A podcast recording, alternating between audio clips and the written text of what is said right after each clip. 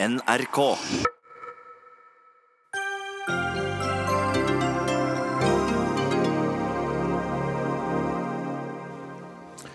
Det irske folk stemmer om de vil kvitte seg med en av verdens strengeste abortlover. Det trenger de slettes ikke, sier abortmotstander som kommer til Dagsnytt 18. Norge får nytt barneombud. Hva får hun egentlig å si, og hva synes hun forgjengerne har fått til?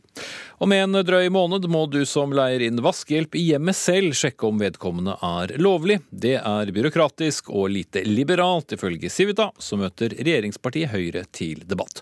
Og her i Dagsnytt 18 skal du også få møte presten, som hevder hun ble utsatt for teologisk sensur av NRK da hun skulle holde morgenandakt denne uken.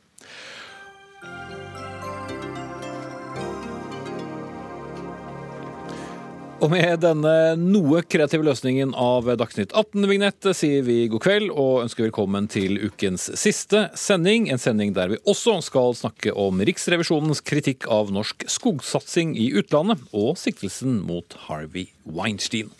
Men først. I dag stemmer altså irene ja, eller sier ja eller nei til eh, et av verdens, eh, en av verdens strengeste abortlover. Dagens abortlov i Irland åpner kun for abort hvis kvinnens liv er i fare, og ikke f.eks. ved voldtekt eller incest, eller om det skulle være fare for alvorlige misdannelser hos barnet. Abortsaken den skaper svært sterke følelser i det katolske landet, og begge sider har brukt svært sterke virkemidler under valgkampen. Og Øyvind Nyborg i eh, Dublin. Eh, hvordan merker du de sterke følelsene som er i sving? Ja, nå har jeg vært her eh, i dag, og det er veldig mange som kommer til stemmelokalene. Det er plakater med ja og nei på begge sider. Det er folk som deler ut løpesedler, og engasjementet er ganske stort. Og så rapporteres det om veldig høy valgdeltakelse på de fleste valglokaler rundt om i Irland. Det var f.eks. også umu nesten umulig å få fly hit til Dublin i morges, fordi svært mange irer som bor i utlandet, gjerne vil hjem og stemme i denne veldig viktige saken for de fleste her i Irland. Hva er det med Irland som har en abortlov som er mer på linje med Burkina Faso og Kongo enn med resten av Europa? Ja, Du har kanskje tenkt litt på det du også, Espen. Du har vært her mange ganger. Men dette er jo noe som sitter eh, dypt i, uh, hos mange, mange jeg snakker med. Uh, dette er også et uh, religiøst land, det er lange katolske tradisjoner. Men dette er også i ferd med å løses litt opp. Det er mange som mener at irene, det katolske kirken her i Irland ikke lenger har så mye makt over samfunnsliv og, og åndsliv lenger. Mye pga. de overgrepsskandalene som har vært i den katolske kirken. Og så har det også vært noen skandaler knyttet til denne abortloven som har gjort at mange har lyst til å gjøre noe med den. Det var f.eks. en 14 år gammel jente som ble gravid pga. en voldtekt. Det rystet eh, mange. Hun fikk ikke ta uh, abort. Og så har det også vært en kvinne som døde av blodforgiftning fordi hun heller ikke fikk lov til å ta abort. Og det er slike ting som, som gjør at uh, det er noen, mange som mener at man må, må gjøre noe med denne loven. Så takk til eh, Øyvind Nyborg fra Irlands hovedstad Dublin. Vi beklager litt uh, varierende lydkvalitet uh, derfra. Så skal vi hoppe på bedre lydkvalitet her i studio. Og jeg begynner med deg, Maria Elisabeth Selbekk, som er informasjonsansvarlig i organisasjonen Menneskeverd, som ifølge dere selv arbeider aktivt for å styrke vernet om menneskelivet fra befruktning til naturlig død. Hvorfor håper du på et nei til en ny abortlov i Irland? Det første jeg vil si, er at vi i Menneskeverd eh, kunne ønsket oss at Irland hadde myket opp eh, liv, liv, liv mot liv-prinsippet på et mye tidligere tidspunkt. For det vi snakker det om nå mener du da? Det vi snakker om nå, er jo en abortlov tilsvarende det vi har i Norge, hvor eh, fosteret ikke har noe rettsvern fram til uke tolv. Det, det, håper vi ikke skjer i Irland, fordi en graviditet handler alltid om to liv. Men synes du dagens abortlov er god? Dagens abortlov ivaretar det at det er snakk om to liv. Eh, men i de tilfellene hvor det er snakk om liv mot liv, så, så bør Irland ha åpnet opp for eh, å prioritere kvinnens liv. Mm. Men eh, punktene som f.eks. handler om voldtekt, overgrep, uh, incest, uh, at man ikke kan få ta abort da, syns du det er greit? I de tilfellene hvor det for kvinnen medfører såpass stor belastning at vi snakker om fare for hennes liv, enten det er fysisk eller psykisk, så kan man åpne opp for det. Mm. Så det betyr at du støtter ikke den delen hvis kvinnen selv mener at det er en belastning? Nei. Eh, Gerhard Folkvord, politisk rådgiver i Amnesty Norge. Dere er jo det som heter en livsnøytral organisasjon, eh, livssynsnøytral organisasjon eh, snarere, som ikke tar stilling til selve abortspørsmålet. Men likevel så er denne folkeavstemningen noe dere er veldig opptatt av. Hvorfor det? Ja, Det er riktig, og det er fordi det dreier seg om kvinnenes rett til å ha kontroll over sitt eget liv, og at det prioriteres et fokus på kvinnenes rett til liv og helse. Og Det er det dette, denne diskusjonen i Irland i grunn og bunn egentlig dreier det seg om. Er det staten som skal bestemme hvor ekstremt må situasjonen være før kvinnen har lov til å, til å bestemme selv? Nå mener jeg er så utsatt at jeg må ta en abort, eller legene kan bestemme det? Eller skal det være litt sånn kvinnenes liv og helse som skal være det grunnleggende kriteriet? Det er det det dreier seg om. Og uh, dette er en, et kjempeviktig spørsmål. Det er også viktig, denne folkeavstemningen, fordi vi har litt sånn to bevegelse i verden i dag. Det er noen land hvor det er en bevegelse frem mot et sterkere fokus på kvinners rettigheter uh, knyttet til abort, abortlovgivninger. Men så har vi også forsøk om backlash, verst i Polen, hvor myndighetene i fjor jo prøvde å innføre en nærmest totalforbud mm. mot abort, men som det ble stoppet av kvinnenes protester. Eh, men for å stille deg spørsmålet, er du enig med da Selbecks eh, definisjon? Altså at eh, så, fremt kvinnen selv mener at det er en belastning, så kan hun velge å da ta abort innenfor da et visst antall uker, går ut fra? Altså, spørsmålet må ses i to deler. Det første er at hvis man følger menneskerettighetene, så er det helt klart når kvinnens liv og helse står på spill, eller når graviditeten er et resultat av eh, seksuelle overgrep eller incest, så må kvinnen ha rett til å ta abort. og Da må også staten komme på banen og bistå med det. Den andre delen er veldig så viktig, nemlig at abort må avkriminaliseres. Rett og slett fordi straffetiltak er helt feil ved å gå. Abort skjer i en situasjon hvor kvinnen er veldig utsatt fra før, veldig svak uh, fra før. Og å straffe hunder i tillegg nytter ingenting. Og Det viser også statistikker som viser at det, så, det er ikke lavere forekomst av abort i land hvor dette er strengt bestraffet. Derimot er det veldig mye lavere forekomst i land der kvinnenes likestilling er høy. Mm. Uh, Selbekk, det er jo et poeng dette med, med statistikken. Hvis det likevel da uh, får ned uh, aborttallene når den er uh, selvbestemt, som Amnesty sier, så må vel det være en bedre ordning? Det at abort forekommer, eh, enten man reiser til utlandet eller ikke, er ikke noe argument i seg selv for at man skal innføre det i en stat, og at staten skal lage et lovverk rundt det. Det vi også frykter med eh, det at de irene skal innføre denne loven, er jo det at vi i Norge har eh, gradert rettsvernet for eh, fosteret fram til uke 22, eh, som du nevnte, ved eh, alvorlig skade på fosteret. I Norge i dag, så, som irene jo ser opp til oss, har, kan man ta abort fram til uke 22 på f.eks.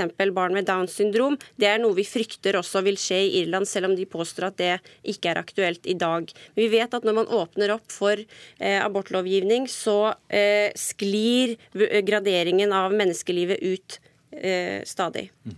Men det som jo skjer da i Irland eh, i dag, er jo at veldig mange irske kvinner reiser over grensen til Storbritannia, og først og fremst England, og tar aborter på eh, klinikker der. Jeg har selv vært og intervjuet noen av disse klinikkene som forteller om svært, svært eh, mange mm. Eh, hendelser.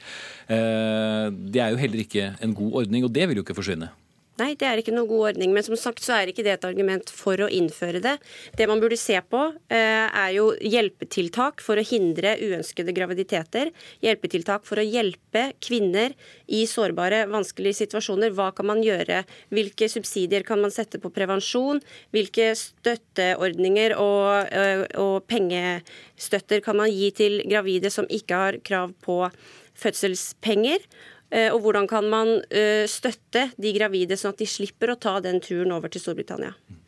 Bare for å ha definert én ting, altså på hvilket tidspunkt eh, vil du da definere at det er et menneskeliv? Jeg vil definere menneskelivet fra befruktningsøyeblikket, og det viser legevitenskapen også. Livet starter i befruktningsøyeblikket, og utviklingen starter da. Mm. Du har fulgt nøye med på dette. Hvor sterk opplever du at motstanden mot en ny lov er i Irland? Eh, vi vet at det er veldig jevnt nå, og som vi vet så kan man aldri forutsi et eh, valgresultat. Så det, det skal bli veldig spennende å se. Eh, men jeg vil også understreke det at selv om Irland er et katolsk land, så er det ikke dermed sagt at man er nødt til å være katolikk eller religiøs for å være mot abort, og for å anse at livet begynner ved befruktningsøyeblikket, at en graviditet handler om to liv, og at man skal likestille de livene. Mm. Eh, Folkvord, eh, Amnesty har jo nettopp gjennomgått lover og straffer mot uh, aborter. Hvordan vil du beskrive den abortloven som, som Irland har i dag? Den er ganske ekstrem. Det er en av de mest ekstreme i europeisk kontekst. Malta er verst, fordi i Malta er det totalforbudt. Da er det ikke engang åpne for å redde kvinnenes liv. Men uh, Irland og Nord-Irland har også veldig ekstreme abortlovgivninger, hvor det må veldig mye til å dokumentere, sannsynliggjøre at det er helt nødvendig å gjennomføre abort. Uh, og i Nord-Irland kan man få livstid i fengsel som kvinne, eller også som lege, hvis man er innblandet i en abort. Ja, du skal vel, så vidt jeg også husker, ikke mer til enn at du kan ha bestilt en, en form for angrepille eh, på postordre, eh, ja. og dette blir bevist, så, så kan du bli eh, straffet. Samtidig, Nord-Irland er en del av Storbritannia, og det er helt lovlig for nordirske kvinner å dra til en annen del av Storbritannia. Da kan de til og med få det med, med et statlig støtte, kan de få gjennomført en helt lovlig abort. Og det viser også, altså Dette dreier det et spørsmål om kvinnenes situasjon. Det er, det er helt klart Abort er et symptom, eller ekstreme lover mot abort, er et symptom for at kvinnene er i en utsatt situasjon at kvinnenes likestilling ikke er realisert i landet. Og uh, Amnesty mener også at det man må gjøre noe med, det som er viktigst, er årsakene for hvorfor aborter forekommer. Det at jenter ikke engang får undervisning over sin egen kropp og mm. seksualitet, det at det ikke er adgang til uh, prevensjon og alle disse tingene, det er jo det som vil løse veldig mye av problemet hvis man gjør noe med det. Men man kan ikke la være å gjøre det, og til slutt bare straffe kvinnene og jentene hvis de da kommer i en situasjon hvor de ikke ser noen annen utvei. Men det er vi enig i. Men den viktigste, det vi i Menneskeverd eh, jobber for, vi er for kvinners helse, vi er for kvinners rettigheter. Men vi er også for den viktigste menneskeretten av dem alle, retten til liv. Og det er der jeg bare lurer litt, nå går, løper tiden her, men altså for å få definert det hele, altså hva skal til for en kvinne? Er det nok at hun selv sier at uh, jeg er blitt gravid som følge av et overgrep, derfor vil jeg ha abort, eller skal dette prøves mer enn som så? Det er nødt til å prøves. Uh, for som sagt så er det liv mot liv. Vi kommer ikke unna det faktum at eh, det er et liv i mors mage. Men når det livet truer eh, morens liv, det er da vi mener at man kan åpne opp for det. Men hvor langt unna står du da egentlig dagens abortlov i Irland? Altså, hva er forskjellen på det standpunktet du har og dagens abortlov i Irland? Jeg mener at man ikke bør åpne opp for uke, selvbestemt abort fram til tolvte uke, som Irland mener nå. Mm.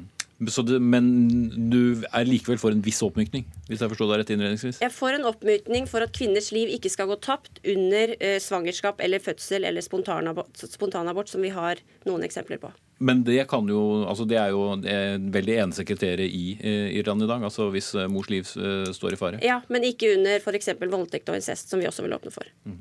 Ok, eh, Resultatet av denne folkeavstemningen får vi etter sigende i morgen. Takk skal dere ha begge to. Eh, Mari Elisabeth, eh, Maria Elisabeth Selbekk, informasjonsansvarlig i organisasjonen Menneskeverd, og Gerhard Folkvord fra Amnesty Norge. Dagsnytt 18 alle hverdager kl 18.00 på NRK P2 og NRK2.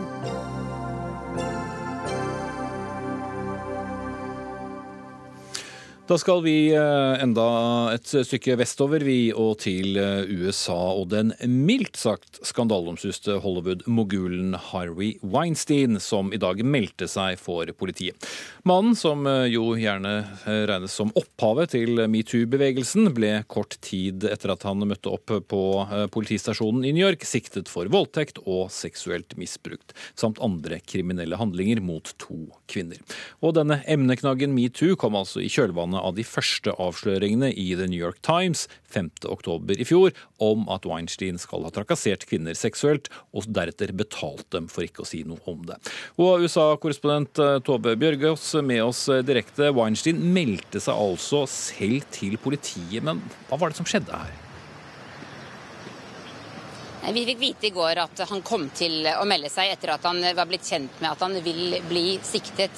Eh, og så meldte han seg altså da, og er nå blitt eh, løslatt igjen mot eh, kausjon på 8 millioner kroner. Og har fått en sånn elektronisk fotlenke, slik at myndighetene kan holde ham under oppsyn. Men han er altså da eh, siktet både for voldtekt og for å ha hatt eh, altså, kriminell seksuell handling som skal innebære oralsex med en kvinne som ikke ønsket det. Hvordan eh, oppførte han seg? Han oppførte seg, mener noen, litt som han pleide å gjøre på den røde løperen eh, i Hollywood. Det var et enormt eh, presseoppbud til stede. Han kom ulastelig antrukket med en stabel bøker under armen. Kanskje forberedt på at dette ville ta litt tid, eller på at han skulle havne i fengsel. Eh, han så ikke akkurat glad ut, eh, men, men han, han, stilte altså opp, og det var også kameraer til stede. Harvey Weinstein har vært på en sexavvenningsklinikk i Arizona i flere måneder eh, etter at eh, skandalen mot han eh, altså startet i, i, oktober i fjor. Ja, Vi ser noen bilder nå mens du snakker, Tove, for dere som følger sendingen på, på fjernsyn eller på nett, eh, med en eh, tidvis smilende Weinstein på vei eh, inn i, i bilen. Eh, Agnes Moxnes, kulturkommentator her i NRK. vi har hørt mye om Weinstein siden oktober, men hvis vi tenker på tiden før disse første beskyldningene kom mot ham, hvor stor var han? Minn oss på hva slags figur han egentlig er eller var. Ja, Det er jo helt umulig å forstå hvilken betydning han har fått hvis man ikke også vet hva han har gjort. For han har jo virkelig vært en av de store, store filmprodusentene i Hollywood. Fordi han har liksom laget kvalitetsfilmer, en voldsom teft for det. Uh, Pulp Fiction, uh, for eksempel Shakespeare in Love, uh, Ringenes herre. Altså, du, det er en haug med filmer, og han har fått masse priser. masse Oscar er vel en av de som er mest nominert, altså filmene hans mest nominert til Oscar-priser. Vært representert på alle filmfestivaler. Altså virkelig vært en mann å regne med stor, stor makt i Hollywood. Men så har altså dette bildet av ham Eh, fallert, og ble altså selve symbolet på eh, hele eh, metoo-bevegelsen. Og ja, all respekt har forsvunnet. Ja, den har jo det. altså Tove nevner jo når du ser de bildene fra New York nå hvor han går gjennom liksom et presseoppbud av en annen verden. Det minner jo på mange måter om de bildene man har sett av han nettopp fra Cannes og, og, og, den røde løperen i, i, Hollywood. Men nå er jo liksom Den røde løperen er borte. De vakre kvinnene er borte. Og man må vel også si at eh, æren til eh, Harvey Weinstein har forsvunnet i løpet av de siste månedene. ja.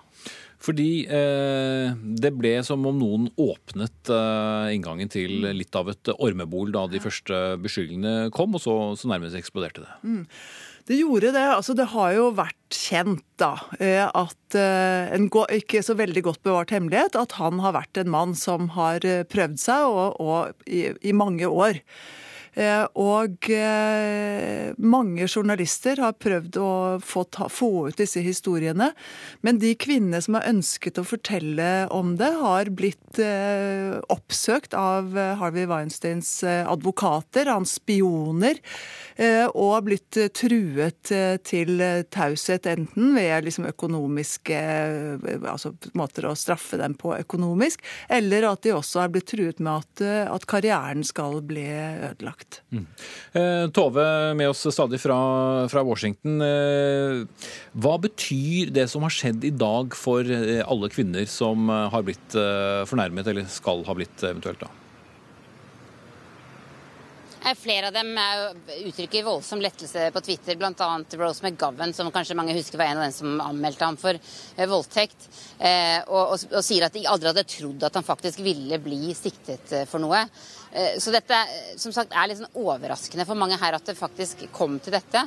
Eh, og det er også mange andre saker, selv om at de kanskje ikke er like ille som Weinstein, så er det mange andre som har måttet gå fra jobbene sine, bl.a. i mediebransjen og filmbransjen her etter at metoo-bølgen startet. Eh, så dette beskriver en del som et slags vannskille, det at dette skjedde i dag, og at, at justisvesenet faktisk tenker å ta det så alvorlig. Det er jo veldig mange som har anmeldt Harry Weinstein for overgrep, både i New York, hvor disse siktelsene altså kommer, og også i Los Angeles og i London bl.a. Så, så det kan jo komme flere saker her også. Dersom man skulle bli dømt for, for mye av det han har gjort, så kan han ende opp med, med en lang fengselsstraff. Ja, så Han har jo da virkelig vært tilbake i, i rampelyset igjen i dag, da, hvis jeg skal uh, bruke det uttrykket. Men hva skjer egentlig videre nå? Han har vært på politistasjonen, og han har reist igjen, men hva så? Ja, Han er altså da blitt løslatt mot kausjon og kan jo da ikke bevege seg fritt lenger, men, eller f.eks. For forsvinne ut av landet. Eh, og Da vil det jo da bli en, en rettssak på et tidspunkt. Eh, og så tror jeg også at, eh, at myndighetene i New York har flere ting på Weinstein. Det har også vært en økonomisk etterforskning der som gjorde at eh, selskapet hans, The Weinstein Company, ikke eh, ble kjøpt opp som planlagt tidligere i vinter. Så her kommer det til å komme mye eh, ny informasjon etter hvert. Og vi vet at det er på en måte bare starten på, eh, på en, en, en, rettsprosess. Eh, så får vi se hva, hva det ender med. Men, men altså, dette har pågått i 30 år, og det er jo veldig veldig mange kvinner som har vært eh, omfattet av det han har drevet med. Og så er det jo også et apparat som har vært rundt Weinstein. Det var mye snakk om det i begynnelsen, om, om de som tilrettela disse møtene han hadde med unge skuespillere på hoteller, og, og hvordan mange må ha visst. et annet spørsmål er jo om, om noen av dem vil også bli forfulgt på noen måte. Men, eh, men det vil, må vi vente og se på. Hvordan vil du si, eh, som har også dekket mye kulturliv i tillegg til, til politikk, at Weinstein-saken har endret Hollywood og, og for så vidt USA i de månedene som har gått siden oktober? Det har jo vært en slags revolusjon, nesten her et ras av saker etter at det begynte med denne saken. I Hollywood så har folk jeg snakket med sagt at det har endret veldig mye. Altså, nå er det ikke slik at man lenger har møter på hotellrom eh, med unge skuespillere. Det er det ingen som tør. Eh, man møtes i, i, offentlighet, på kontorer. Mange menn er blitt svært redde for ting de kan ha gjort i, i fortida. Vi har sett en rekke eh, kjente kulturpersonligheter, f.eks. Charlie Rose, som var talkshow-host her, Matt Lauer, som var programleder for det største frokost-TV-programmet, miste jobbene sine etter at kvinner har våget å, å, å stå fram og, og, fortelle hva de mener de har blitt utsatt for. Eh, dette har liksom spredt seg så fort. Og i et land som dette, da, så er det også mange menn som er blitt veldig redde for i det hele tatt å ja, tilnærme seg en kvinne. Etter i hvert fall, Jeg laget en podkast med en psykolog tidligere i vinter som mente at mange menn rett og slett er veldig redde nå når de går på date, og, og også for hva som kan ligge i fortida deres. Så, så, på godt og vondt eh, så har dette ført til, til ganske store endringer, kanskje større enn det Kanskje har det gått litt for langt på enkelte områder, men når det gjelder Weinstein, eh, så vet vi jo at han drev med langvarig overgrep av systematisk karakter. Agnes Moxnes, eh, til slutt. Eh, hva slags historie blir stående igjen etter eh, Weinstein? Hva slags kapittel blir dette i den lange og for så vidt tidvis stolte kulturhistorien til, eller filmindustrien til USA? Han blir jo et stort kapittel, fordi han er jo også et symbol for det Hollywood som var. Hvor det å gjøre det han har gjort, altså benyttet seg av den makten og posisjonen han har hatt, at den tiden rett og slett eh, er eh, over. Mm. Og selv om det også skal eh, en rettssak til, så kan vel mye tyde på at Harry Weinsteins rulletekst nærmer seg the end. Takk skal dere ha, Agnes Moxnes og Tove Bjørgaas.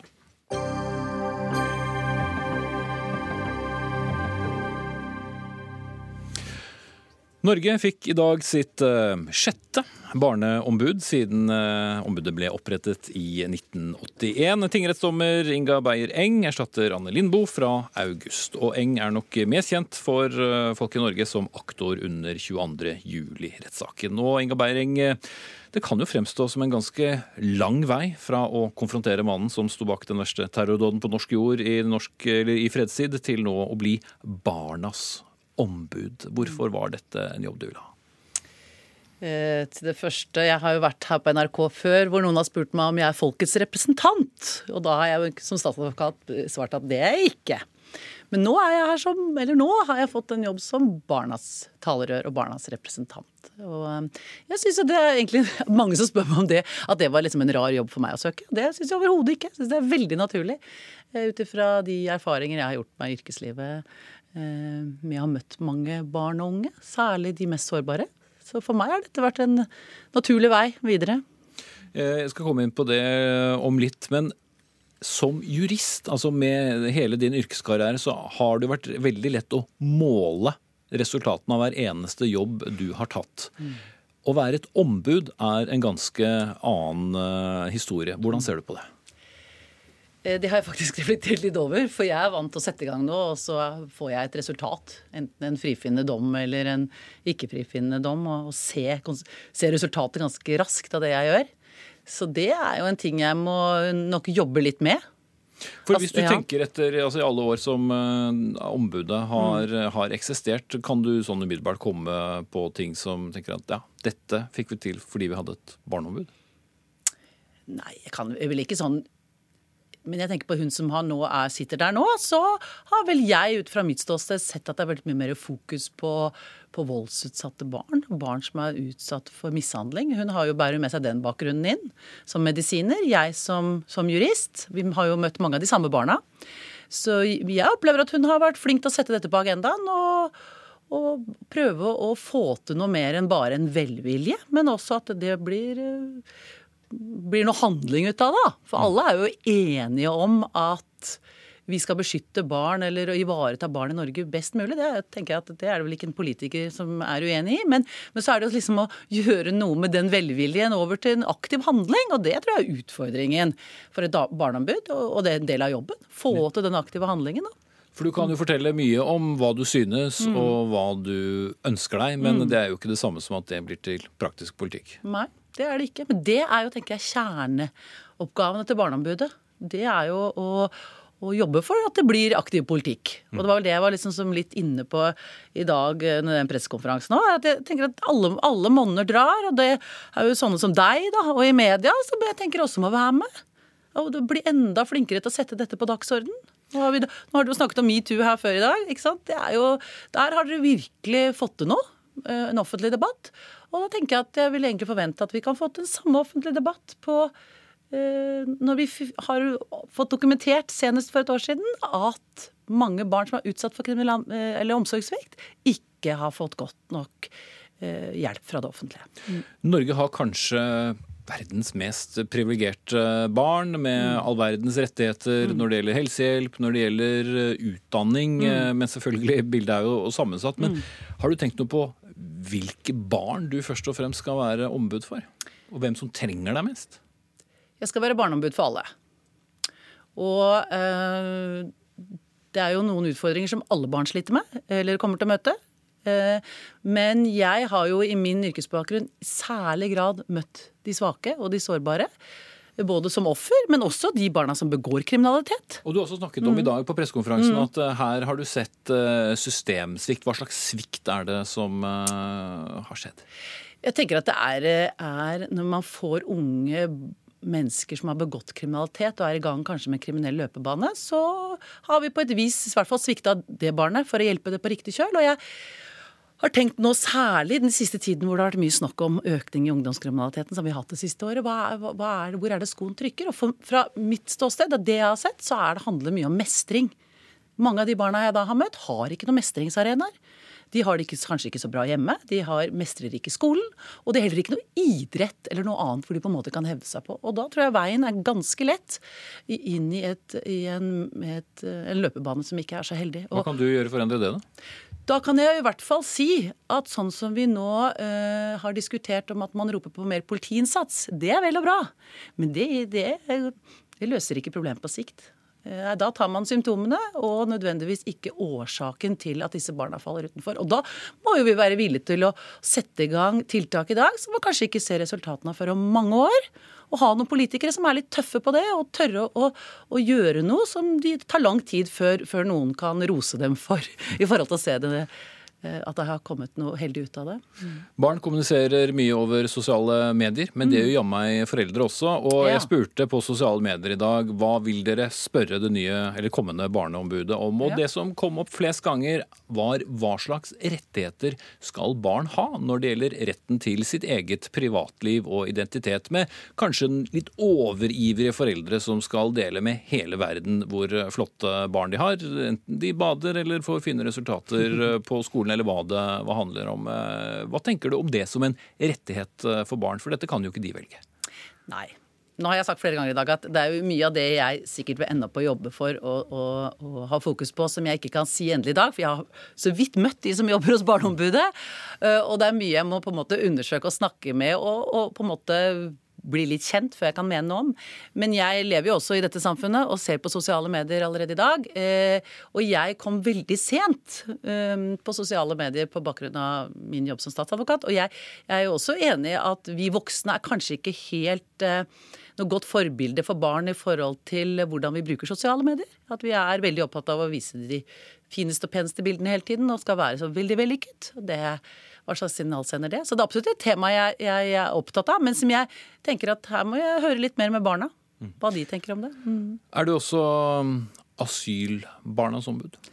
Jeg er alle barn i Norges ombud, og det er jo også asylbarna. Mm. Eh, hvis eh, vi skal eh, tenke litt på der du kommer fra igjen. Du kommer fra en profesjon med et veldig avansert, litt vanskelig tilgjengelig språk, vil vel kanskje mange si. Hvordan skal du klare å tenke som et barn, utover at du har barn selv selvfølgelig og kan snakke med dem? Ja. Ja, jeg er enig med deg at det er mange jurister som har kronglete språk, men jeg har jo jobba som statsadvokat i veldig mange år, og da var en del av jobben å prosedere for en jury, og det er jo å snakke om juss og et komplisert faktum så folk forstår det.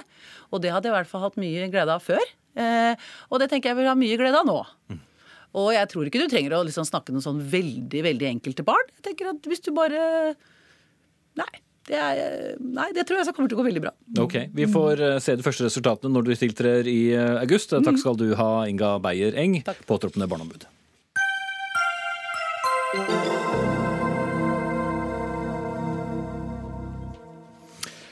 Er du en av de eh, om lag 270 000 husstandene som kjøper renholdstjenester til hjemmet ditt, vel, da får du følge med nå, for regjeringen har bestemt at du etter 1. juli selv må gå inn og undersøke at vaskehjelpen din er registrert i renholdsregisteret, som det heter, til Arbeidstilsynet. Slik det er i dag, er det bare bedrifter som må sjekke opp at alle papirer er i orden, og litt under halvparten av tjenestene, 43% kjøpes helt eller delvis eh, svart, ifølge tall fra forskningsstiftelsen Fafo. Arbeiderpartiet og LO har jublet over dette, men eh, ikke du, Anne Siri Koksrud Bekkelund, som er politisk økonom i Civita. Ehm, Hva er det du ikke liker? Jeg ser at dette er et tiltak som er gjort med de beste intensjoner, og kampen mot svart arbeid er selvfølgelig veldig viktig, også i privatmarkedet. Men jeg mener jo det er grunn til å spørre om dette er mer symbolpolitikk, som potensielt sett kan føre til mer byråkrati, eller om det faktisk er en effektiv måte å møte dette problemet på. Jeg tror jo at det kan være sånn at summen av mange, kanskje i utgangspunktet små og velmente tiltak, kan få utilsikta konsekvenser i form av at det kanskje blir vanskeligere for de som til slutt for de som vil drive skikkelig, og, eh, og jeg tror det kan ha noen andre uintenderte konsekvenser. Mm. Heidi Nordby Lunde, stortingsrepresentant og andre nestleder i arbeids- og sosialkomiteen. Hvorfor trenger vi denne lovendringen?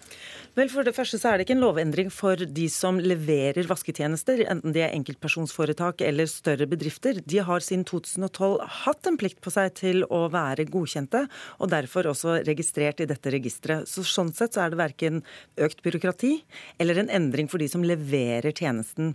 Men vi har en forskrift om kjøp av renhold, og i denne forskriften så ved en spissfindighet så er det en formulering som har kunnet forstås slik at i privatmarkedet så kan man kjøpe tjenester av ikke ikke-godkjente bedrifter. Det har aldri vært tilfellet, og det har aldri vært intensjonen. Og når vi vet, som du sier, programleder, at nærmere 270 000 husholdninger kjøper eh, vasketjenester, og over 40% av disse kjøper svart, det betyr jo at folk ikke har akseptable lønns- og arbeidsforhold, og at vi ikke får de skatteinntektene til fellesskapet som fellesskapet skal, skal ha. Da mener vi at vi skal gjøre noe med det. Hvis jeg kan stoppe deg på den eh, lille utpusten du hadde der, så er jo da spørsmålet Hvis eh, jeg da skulle uh, få råd til å, å, bestille renholdstjenester selv, altså hva, hva, ville den konkrete ansvaret jeg nå bærer være, uh, og hva konkret må jeg gjøre? Mm. Der er jo der hvor regjeringen har hatt en prinsipiell betenkelighet gjennom å, å, overlate dette til forbrukeren. For det er, det er selskapene som står ansvarlig for å drive lovlig. Vi fjerner, det vi fjerner her, er jo egentlig en formulering som har gjort at dette kunne misforstås. Men vi, vi ja, snur ikke ja, da, Men vi snur ikke sanksjonene mot forbrukeren. Så det betyr at du har en plikt på deg til å, til å sjekke, men, ikke, men, at vi ikke vil straffeforfølge deg. Vi skal fortsatt gå etter de selskapene og enkeltpersonsforetakene som driver ulovlig. Det er der vårt sanksjonsregime skal ligge. Men nettopp fordi at dette her er prinsipielt betenkelig, så har det også tatt tid for Høyre å lande på, det, på den avgjørelsen. Men vi har lytta til hovedorganisasjonene og næringa sjøl og kommet fram til at dette er riktig å gjøre. Bekkelund, ble du bedre, mer overbevist? Altså, det er ikke så lenge siden, jeg tror det var i fjor, eh, så ble dette vurdert av departementet i et høringsnotat, hvor de konkluderte med at det ikke ikke ville foreslå denne endringen. Og En av grunnene til det var jo nettopp at dette ikke var noe de så hvordan man skulle kunne følge opp. Eh, Arbeidstilsynet kan ikke, eh, ha noen, kan ikke føre tilsyn i private hjem, og de har heller ikke noen sanksjonsmuligheter. Så da er, på en måte, er dette bare et tiltak som skal, eh, som skal være en slags signaleffekt, eller er det utreda på noen måte hvilken effekt det skal, i så fall skal ha? Er det satt noen konkrete mål for hva man skal, i så fall skal oppnå med det? Kan man følge det opp på noe vis? Ja, nå skal du få lov til å komme med flere spørsmål, så skal heller Heidi Nordby Lunde ja. forsøke å, å, besvare noen. For hva er effekten? Altså, Innledningsvis kunne det nesten høres ut som det handlet mest om å endre en paragraf som kunne misforstås. Mm. Ja, det er å faktisk rydde unna en, en misforståelse, slik at norske uh, forbrukere kan kjøpe vasketjenester eh, hvitt. Men det er jo fremstilt, som en, det er fremstilt av statsråden som at dette er en innstramming. Det kan, kan, det kan, virke sånn, men vi snur ikke sanksjonsregimet mot forbrukeren. Det er helt riktig. Men det, Så det er ikke innstramming? Eh, det vil jo være det, for det er det det blir. I forbrukerlovgivningen så er det slik i dag at vi går ikke etter forbrukeren, nettopp fordi at vi skal ikke sette forbrukeren ansvarlig for eh, at næringsdrivende driver eh, lovlig eller ulovlig. Det er de næringsdrivendes ansvar. Det er ikke slik at du går inn i en klesbutikk på Karl Johan, og så arresterer vi deg når du kommer ut dersom det viser seg at produktene du har kjøpt er laget av barnearbeidere i Bangladesh. Det er ikke sånn det skal fungere. Så vi kommer ikke til å bruke sanksjonsregimet mot forbrukeren, og det er den utglidningen regjeringa også har vært redd for når vi ikke har fjernet fjernet dette tidligere. Så har det da noen praktisk betydning? Men, ja, fordi vi mener at det ligger en sterk signaleffekt i både å fjerne den og kunne presisere det. Vi ser også at vi får gode resultater av holdningsskapende arbeid og, og kjøpe hvitt eller handle hvitt-kampanjer, som vi kommer til å, å fortsette med. Også det hørtes enklere ut enn denne kronglete affæren? Eh, ja, men samtidig så har jo dette vært en forskrift som, eh, som useriøse eh, aktører har kunnet vise til forbrukerne, til å skape nettopp eh, troen på at nei, det er helt greit greit at du ikke får faktura fra meg, og det er helt greit at jeg ikke har. Og nettopp kunne drive svart i et, eh, i et marked som har, altså er plaget med helt uakseptable lønns- og arbeidsforhold, og hvor, eh, som, som, også skyver ut seriøse aktører. og Det vil vi ha slutt på. Mm. Ja, for Bekkelund, eh, som jeg sa innledningsvis, det er jo en stor andel tjenester som kjøper svart. Så hva skulle heller regjeringen ha gjort? da? Det er mange ting man kan gjøre. En av de er jo å prøve å få de, de reglene man allerede har, eh, til å virke. Det som er litt spesielt med dette renholdsregisteret, er at det er jo eh, bare om lag eh, halvparten av bedriftene som vet at de skal eh, Som faktisk sjekker at eh, renholdsfirmaene de bruker, er registrert. Sånn at det kunne være en idé å begynne med å prøve å få de til å følge dette regelverket. Og hvis bare halvparten av de vet at de skal gjøre det, hvordan i all verden skal man få privatpersoner til å vite at de har en, en plikt til noe her? Og man, uansett kan, kan man da altså ikke følge det opp eller sanksjonere det. Så det er litt vanskelig å forstå hvordan man faktisk skal følge opp og gjennomføre det her. Det, det Men hvis det er et register, så hørtes det ikke så fryktelig vanskelig ut å logge seg inn. jobben er jo ikke så veldig vanskelig. Det er ikke det som er det store problemet her. Men når folk ikke vet eh, at de skal gjøre det, når ikke engang bedrifter vet at de skal gjøre det, så, så har du en, en pedagogisk utfordring. Og det er litt vanskelig å forstå hvorfor du da skal utvide denne eh, plikten til enda flere, før du får de som allerede har dette kravet på seg til uh, å gjøre det.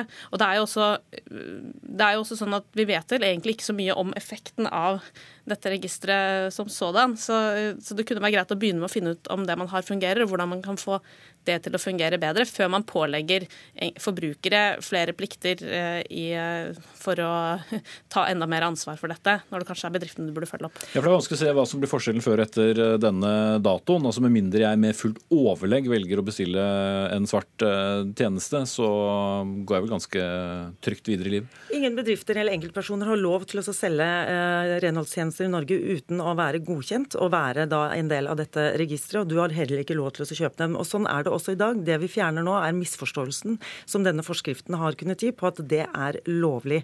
Og så er bedrifter er underlagt et sanksjonsregime, så de kan vi faktisk straffelegge og bøtelegge dersom de ikke kjøper av godkjente bedrifter. Og det kunne dere også gjøre på forhånd. Det, det, kunne de også, det kunne vi også gjøre på forhånd.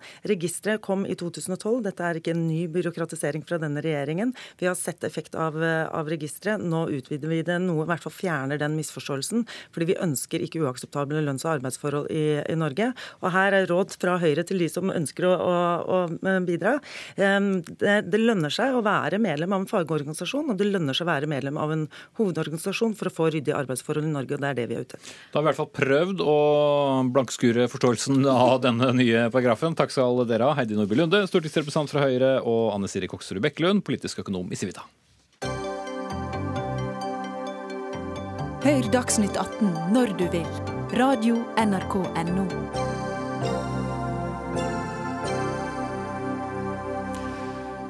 Vi skal eh, snakke mer om penger, vi, og store summer også. For de siste ti årene har Norge betalt 23,5 milliarder kroner til bevaring av tropisk skog. Men nylig slo Riksrevisjonen alarm i en granskingsrapport om hvordan disse regnskogmilliardene brukes. De mener at kontrollen med de norske utbetalingene ikke er god nok, og konkluderte bl.a. med at satsing på bevaring av regnskog har en usikker effekt og ikke er godt nok sikret mot økonomiske misligheter. Per Kristian Foss, riksrevisor. Hva er det mest alvorlige eh, som du har sett rundt denne satsingen på å bevare regnskog?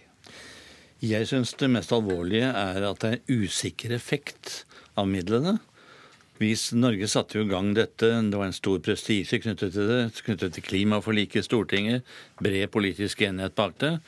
Og vi trodde vi skulle få flere med i dette prosjektet noe under dekkende Redd Pluss for fagfolk og interne, holdt jeg på å si.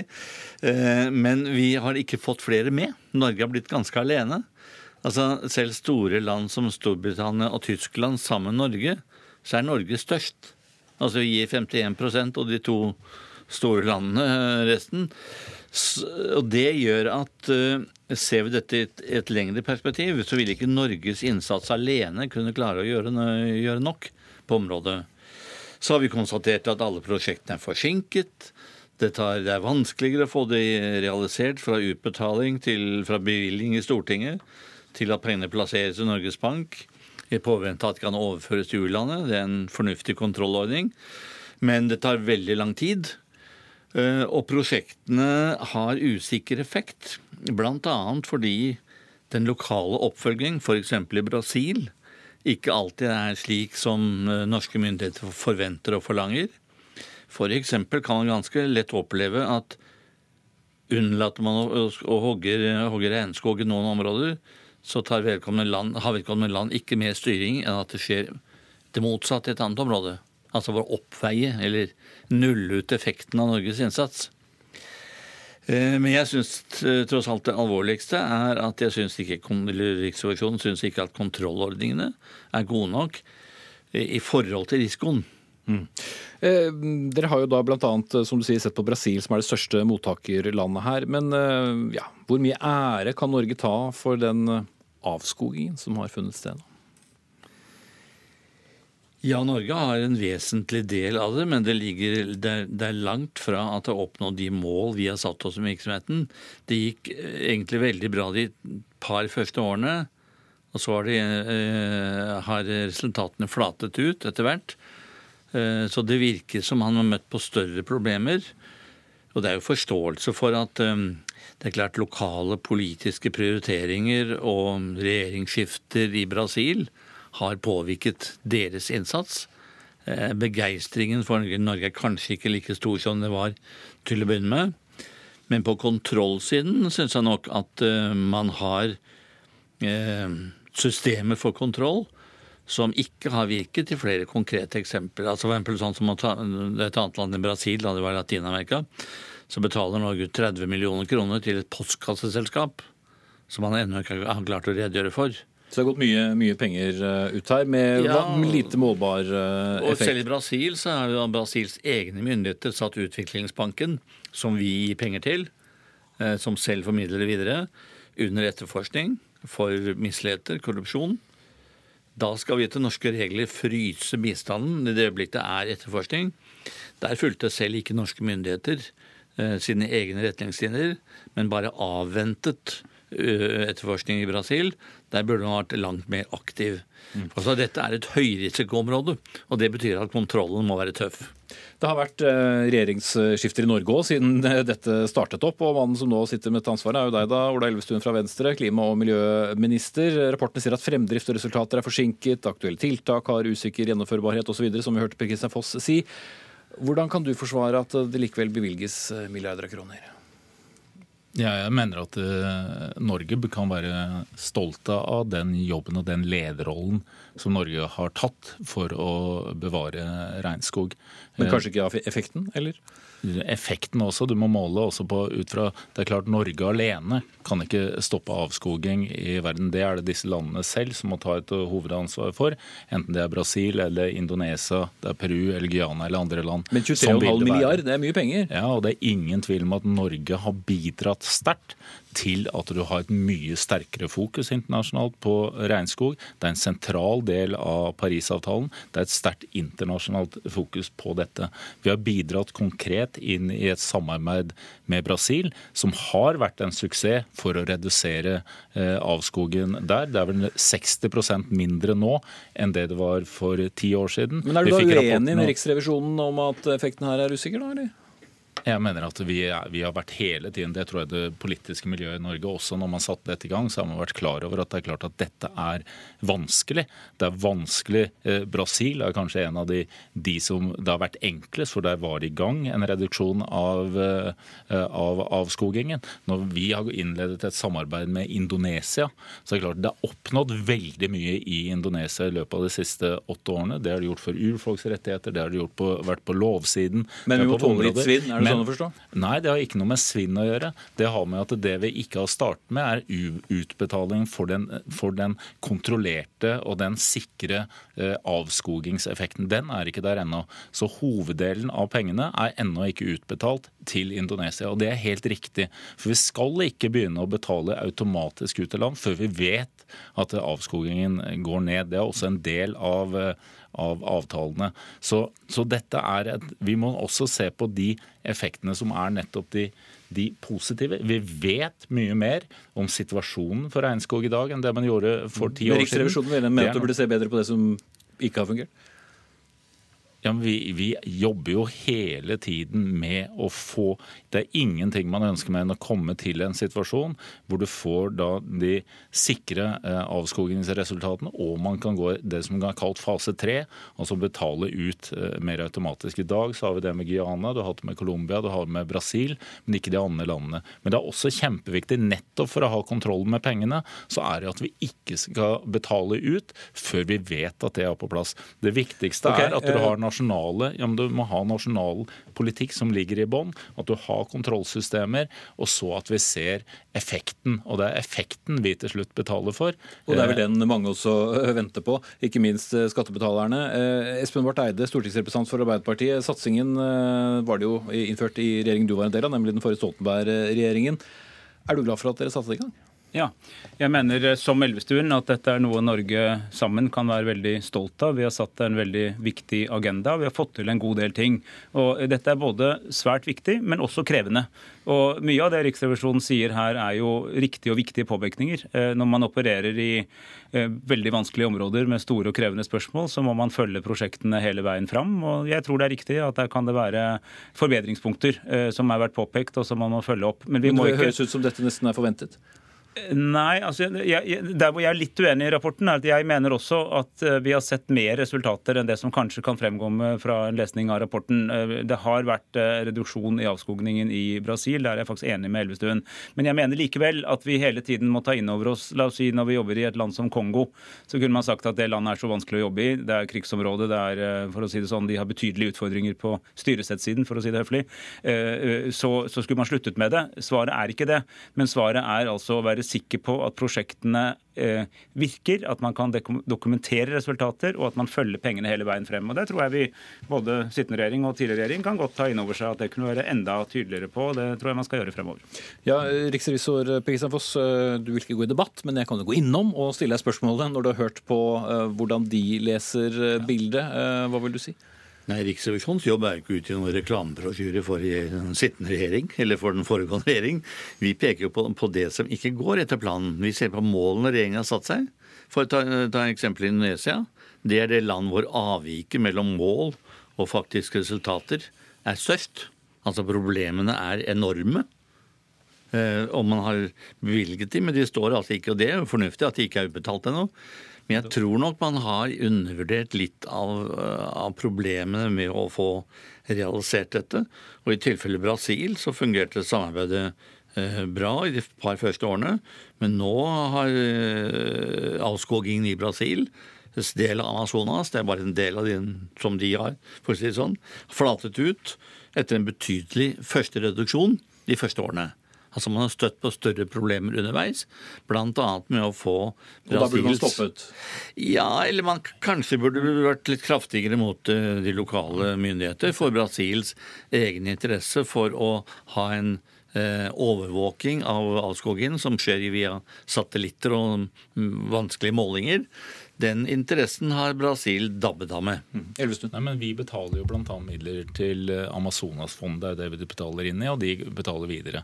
Særlig da til lokale politi som bekjemper skogkriminalitet. Skogkriminalitet, bekjempelse har vært viktigste årsaken til å redusere avskogingen i Brasil. Vi jobber mye med å støtte opp under også urfolk i Brasil og Amazonas.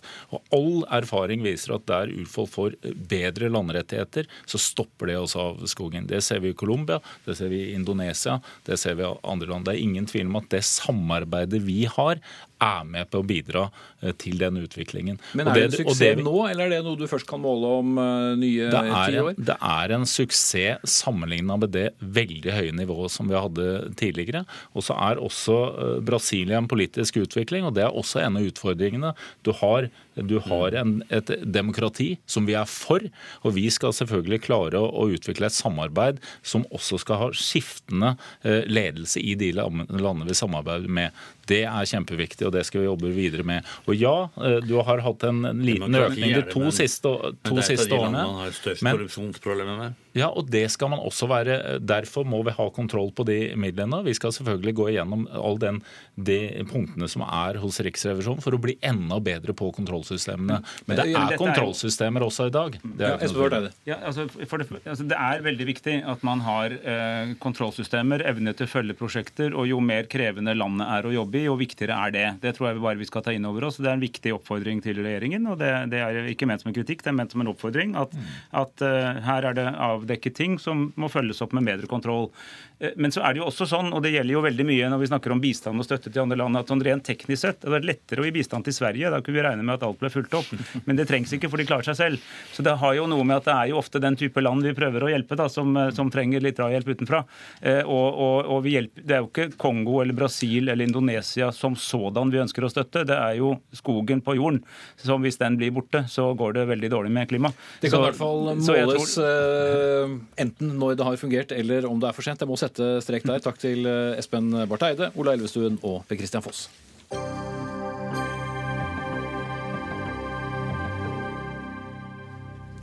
Presten Gyrid Kristine Gunnes skulle denne uken holdt eh, morgendandakten her i NRK i radioens eh, P1. Eh, Og dette samarbeidet ble brutt fordi hun opplevde at hun ikke fikk si det hun ville. Det har avisen Vårt Land kunne fortelle. Hun forteller der at hun opplevde at NRK sensurerte hennes teologiske innhold. Og Gyrid Kristine Gunnes, ja, fortell eh, hva du eh, opplevde skjedde her. Ja, eh, jeg tenker jo at andakten på NRK skal gi trøst, den skal gi håp, den skal gi mening og glede for dagen. Og den skal handle om allmenne temaer. Og det er retningslinjer som jeg har veldig stor sans for, og derfor så ble jeg veldig glad for å bli spurt. Og jeg tenker at jeg, hold, jeg, jeg skrev noen andakter som var i tråd med de retningslinjene. De Som man har kunnet lese i Vårt Land. Ja, og de handlet bl.a. om metoo, de handlet om Pussy Riot, og de handlet om feminisme og religion. Og det ville ikke NRK ha. Nei, hva konkret sa de til deg at de ikke ville ha? Så var det temaene som var feil? Det var f.eks. dette at jeg i den andakten som handler om metoo, eh, utforsker eh, kreativt som teologer skal gjøre, om Jesus selv kan ha vært utsatt for seksuelle krenkelser, fordi som vi jo vet han var utsatt for tortur. Dette sier jo selvfølgelig evangelien ingenting om, og vi kan selvfølgelig ikke vite, men det er en del av den teologiske bearbeidelsen av, av, av eller fortolkningen av livet og av teksten. Og det gikk ikke an å si. Som sagt, eller det, det var eh, som jeg fikk høre, dette er ikke P1s lyttere klare for å høre. Så Men det ble for uh, kraftig kost til uh, frokosten? Ja. Uh, da skal jeg vende meg mot NRK, eller i hvert fall til Ida Kvissel, som er programredaktør her i NRK. Bedriver du teologisk sensur? Dette er ikke et spørsmål om sensur eller ei. Altså, Vi forbeholder oss retten til å utøve redaktøransvaret. Vi inviterer andagsholdere, og vi har stor raushet og takhøyde med hensyn til meninger på det teologiske. Men det er mye på hvordan form dette innholdet blir presentert.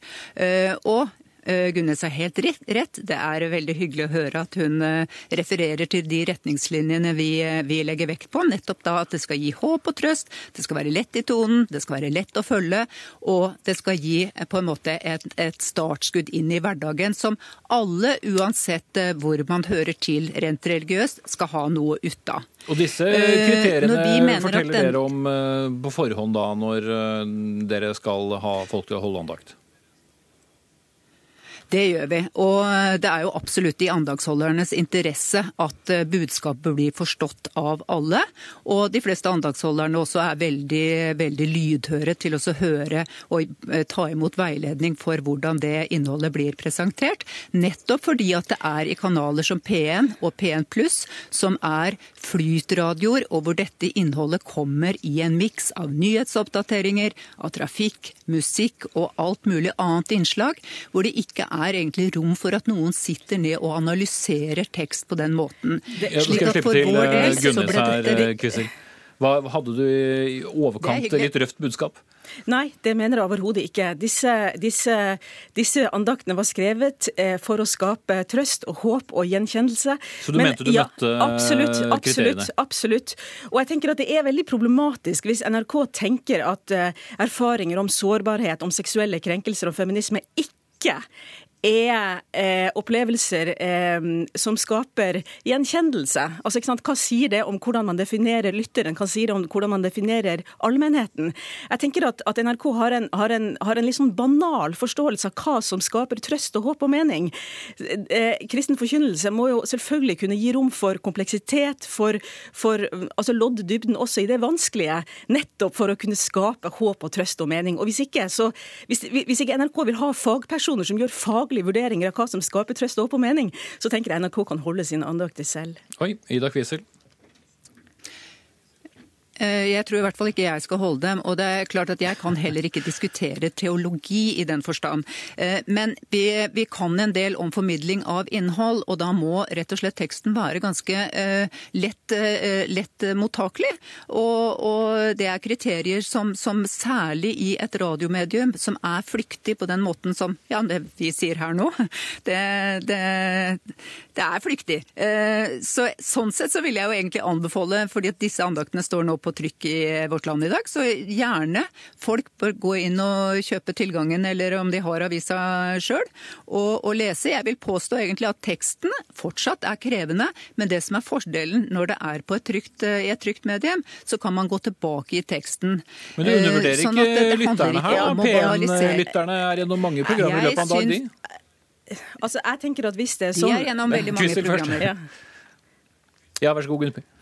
Eh, nei, det er veldig viktig å presisere at det er ikke noe undervurdering av eh, lytterne. Det er rett og slett å ta det moduset som lytteren er i på det tidspunktet, eller på de tidspunktene dette, dette sendes, i en miks som er helt annerledes enn på den kanalen vi er nå. for Så det er det rene inn, ikke innholdet, altså teologiske innholdet, men rett og slett formen som hun presenterer. Er det sånn å forstå, Ida Kvisel?